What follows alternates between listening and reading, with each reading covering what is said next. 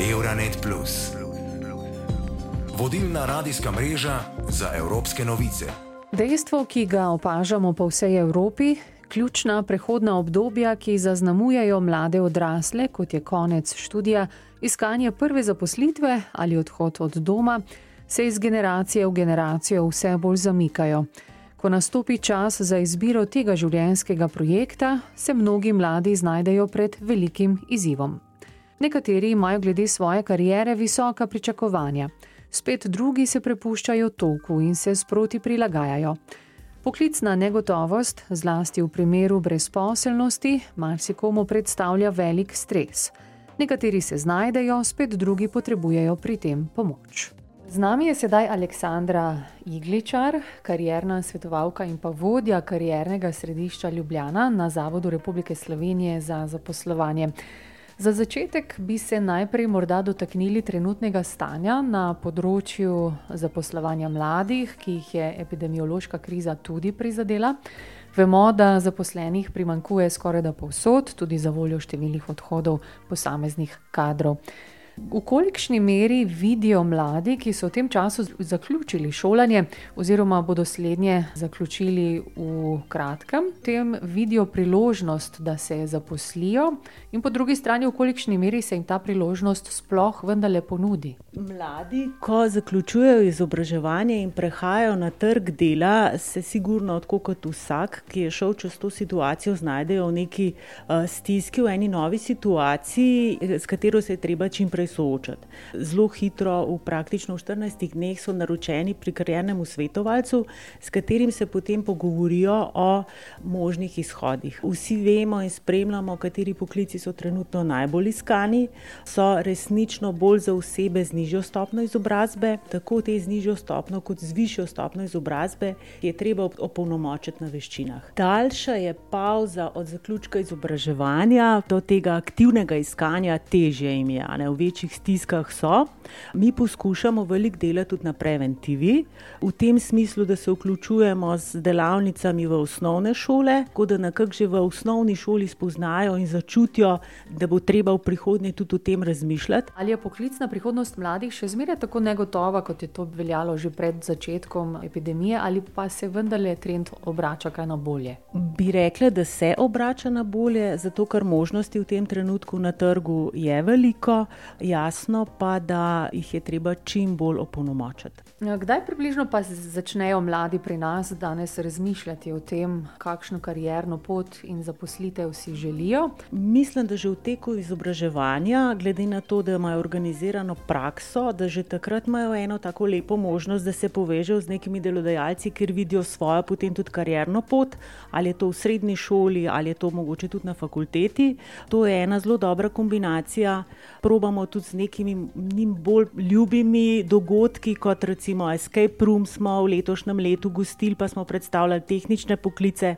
Potem smo imeli svetovanje na enem mestu, kjer je 14 dni bilo zagotovljeno karjerno svetovanje za mlade tukaj v karjernem središču, pa z raznimi sejmi, da pridobijo čim več informacij.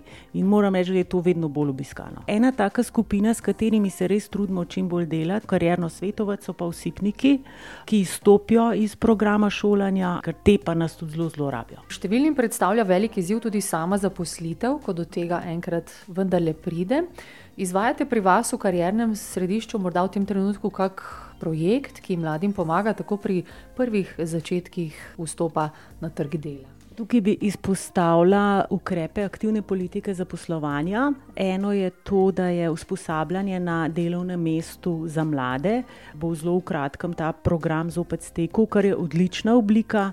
Oseba še vedno ostane prijavljena na zavodu, je pa vključena v delovni proces pri delodajalcu, ima zagotovljenega tudi mentorja. Tako oseba in hkrati tudi delodajalec nekako prepoznata, ali bi se lahko razvila tudi nadaljna potrebna zaposlitev in izhodi v zaposlitev so tukaj zelo dobri. Drugo, program za mlade, da se jim pomaga, da se zaposlijo pri delodajalcu, to je subvencija za delodajalca. Preden sploh pride do te zaposlitve, so pa naše modularne delavnice. V skupinskih oblikah ponujamo posamezniku, da se vključi ali na, če ima težavo s pisanjem prijavne dokumentacije, ali mogoče s treningom zaposlitvenega razgovora, ali mogoče ne zna dobro nastopiti na trgu dela, takrat pa poskušamo, da prepoznajo, da so res v marsičem dobri, pa se tega niti ne zavedajo. Sedaj pa je prav, da slišimo tudi več o tem, kako se mladi lotevajo prvih začetkov nabiranja izkušenj z zaposlitvijo tudi iz prve roke.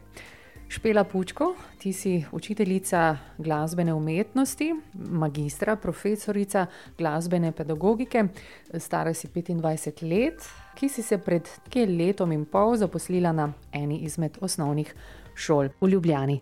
Predvidevam, da si kot vsak mlad iskalec zaposlitve tudi ti bila na začetku vsaj malce negotova in pa izgubljena, bodi si zaradi sebe, bodi si zaradi trga dela. Kakšni so bili tvoji poklicni začetki in pa največji izzivi? Moji poklicni začetki so bili zelo težki, stresni in z eno besedo zelo kaosni, ker vseeno prideš iz nekega brezkrbnega študentskega življenja v realno stanje ko si na faksu, imaš prakso, v razredu je zraven tebe mentor, pa še ravnatelj. In tako da so učenci zelo umirjeni in te poslušajo. Potem se pa nekako znajdeš v situaciji, ko si pa sam in imaš 27 učencev, ki jih moraš najprej umiriti, spostaviti neki odnos, postavljati meje. In to je tisto, kar mi je povzročilo največja izziveno. Kako pa dojemaš ti kariero oziroma poklicno pot? Kaj ti je pri tem pomembno? In se morda to spremenja, kaj vse vpliva na to? Meni je najpomembnejše to, da spoznavam samo sebe in da se učim. Vseeno sem mnenja, da tebi fakulteta in pa formalna izobrazba ne da vsega ko stopiš v razred, se največ naučiš, torej neke lastne izkušnje in potem tudi dodatna izobraževanja do tistem, kar te dejansko zanima, in da greš na tiste izobraževanja, ki bodo tebi pripomogla na poklicni poti. Če pa pokukaš malce dlje v prihodnost, te mogoče kaj posebej skrbi glede tvoje poklicne poti? Zdaj, iskreno povedano, me ne skrbi, ker sem človek, ki si ne postavlja nekih pričakovanj ali pa ciljev vseeno grem raje z nekim občutkom, ki me vodi v pravo smer in tam nadaljujem. No. Ker se mi je zgodilo, recimo pri magisteriju, ko sem pisala magistrsko nalogo. Pol leta sem pisala in pol je prišel tisti dan za govora in sem rekla, kaj pa zdaj s svojim življenjem? Pa, a to je zdaj to? En tak opomnik, ki mi je dal vedeti, da mogoče pa vseeno bolje, da najdem v vsakem dnevu neki cilj manjši ga uresničim v tistem dnevu in da ne postavljam nekih večjih ciljev. Torej, zaupaš. Torej, točno to. In kako mladi dojemajo kariero drugot po Evropi, kakšne izkušnje imajo z upravljanjem poklica oziroma z delovnim trgom, v Belgiji jim pri iskanju poti pomaga več struktur. Kot naprimer Inštitut za usposabljanje IFF Europe, ki ponuja večmesečne tečaje usposabljanja za mlade od 18 do 25 let. Eden od tečajev, ki ga ponujajo, je tudi Tramplin, ki mladim skozi samo spoznavanje pomaga najti njim najbolj primerno pot. Generacijo, ki jo je COVID kriza zelo zaznamovala, digitalni in ekološki prehod pa do dobra zmedla, Filip van Mirbik, psihiater specializiran za adolescenco, v svoji zadnji knjigi z naslovom Mladostniki v iskanju smisla je v pogovoru z našim belgijskim partnerjem RTBF opisal s temi besedami. Elle a perdu complètement, euh, perdu parce qu'ils sont plus utilisables les repères qui fonctionnaient pour ceux qui précédaient, enfin jusqu'au XXe siècle. Ta generacija je popolnoma izgubila merila uspešnosti, ki so bila uporabna za tiste, ki so prišli prej. V 20. stoletju so bile stvari dokaj dosledne, vsaj na Zahodu smo lahko videli, da je bilo za dobro službo res potrebno študirati, imeti čustveno predanost in stabilno službo, da bi imeli uravnoteženo družino. Zelo očitno je bilo, kako to gre. In potem se je vse skupaj postavilo na glavo, saj očitno danes sploh ne vemo več, katera diploma bo omogočala katero službo. 50 odstotkov delovnih mest je v naslednjih 20 letih nepredvidljivih. To je očitno velik premik v perspektivi.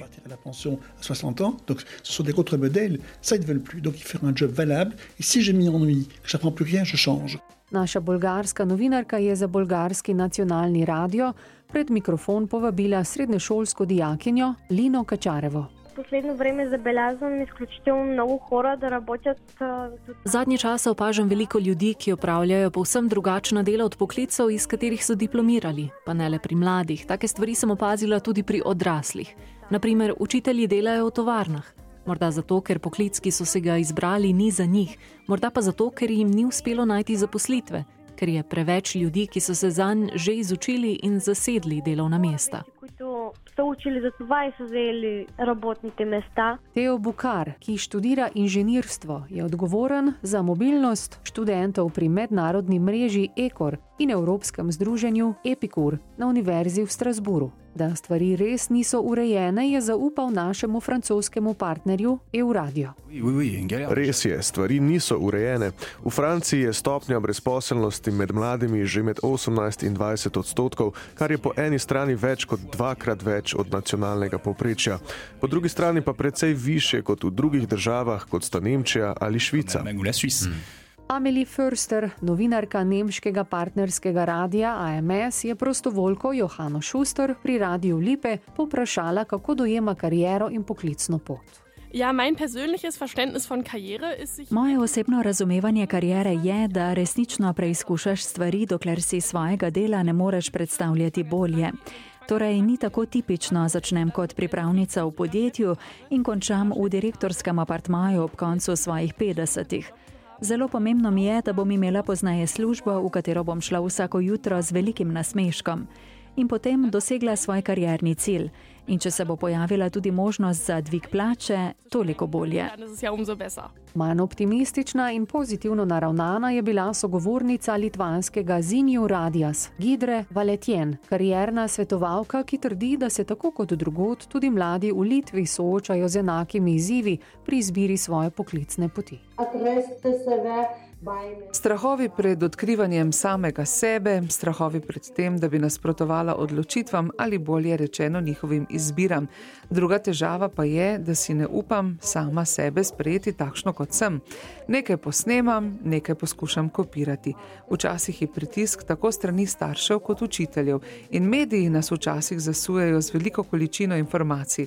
Mlad človek težko izbere, kaj je privlačno in kaj ni, kaj nisem jaz, ampak nekdo drug. Pri izbiri karijere je veliko skušnjav in tudi lažnih prerokov. Leta 2021 se je v poprečju skoraj 10 odstotkov mladih v Evropski uniji odločilo, da ne bodo nadaljevali študija v šolah in na univerzah. Zaskrbljujoče pa so tudi ugotovitve v Romuniji. Aleksandru Manda, član predsedstva svetovalnega sveta za mlade pri svetu Evrope, in mu je Švarckopfova fundacija Young Europe skupaj z Evropskim mladinskim forumom podelila nagrado Mladi Evropejec leta 2021, je za Radio Romania povedal naslednje. Ceea ce generația Z își dorește de la un loc de muncă, își dorește de pe piața muncii, Kar si generacija Z želi od delovnega mesta, je to, da ni zaklenjena v klasičen urnik, kjer hodi v pisarno od 8 do 16 ali od 9 do 17 ure. Zanimivo je tudi, kako mladi dojemajo način, kako so bili v šoli pripravljeni na trg dela. Nedavna študija, ki sem jo koordiniral septembra lani, nam kaže, da približno 50 odstotkov mladih v Romuniji, starih od 18 do 29 let, meni, da jih šola ni pripravila na vstop na trg dela. Verjamejo, da šola ne izpolnjuje njihovih potreb, da bi bili zaposljivi in aktivni na trgu dela. Žal, trenutni izobraževalni sistem ne daje nobenega poudarka na prilagodljivosti, na pripravi mladih na eno najpomembnejših veščin, to je sposobnost prilagajanja spremembam.